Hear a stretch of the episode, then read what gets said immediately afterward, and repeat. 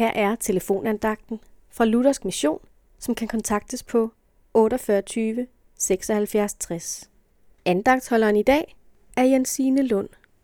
I Johannes evangelium kapitel 6 læser vi om store folkeskare, der samlede som Jesus. Det blev sent. Skaren var blevet sulten, og da det var i en ørken, var der ingen mulighed for at skaffe brød. Hvordan Jesus der velsignede de fem brød og to fisk, som disciplene kom med, så alle, som det står, fem tusind foruden kvinder og børn, spiste og blev mætte. Den næste dag samledes de om Jesus igen.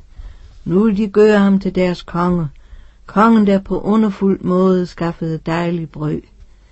I den sammenhæng i Johannes evangelium kapitel 6, vers 35 siger Jesus, jeg er livets brød. Den, som kommer til mig, skal ikke sulte. Den, der tror på mig, skal aldrig tørste. Det var Jesus kommet for at give og for at være for dem. Det var dengang, siger du. Jesus er den samme i dag, som de mødte hans omsorg, da han mætte den sulte, sulten skare i ørkenen, møder vi hans kærlige omsorg for os hver eneste dag. Lad os aldrig glemme takke ham for det. Som vort læme, ja alt liv må have næring for ikke at dø, må vores sjæl også næres.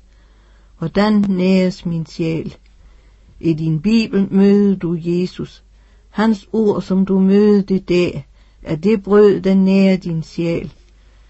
Bed ham, at som han dengang velsignede, vil velsigne det ord, du møder. Jesus giver livets brød. Jesus er livets brød. Amen.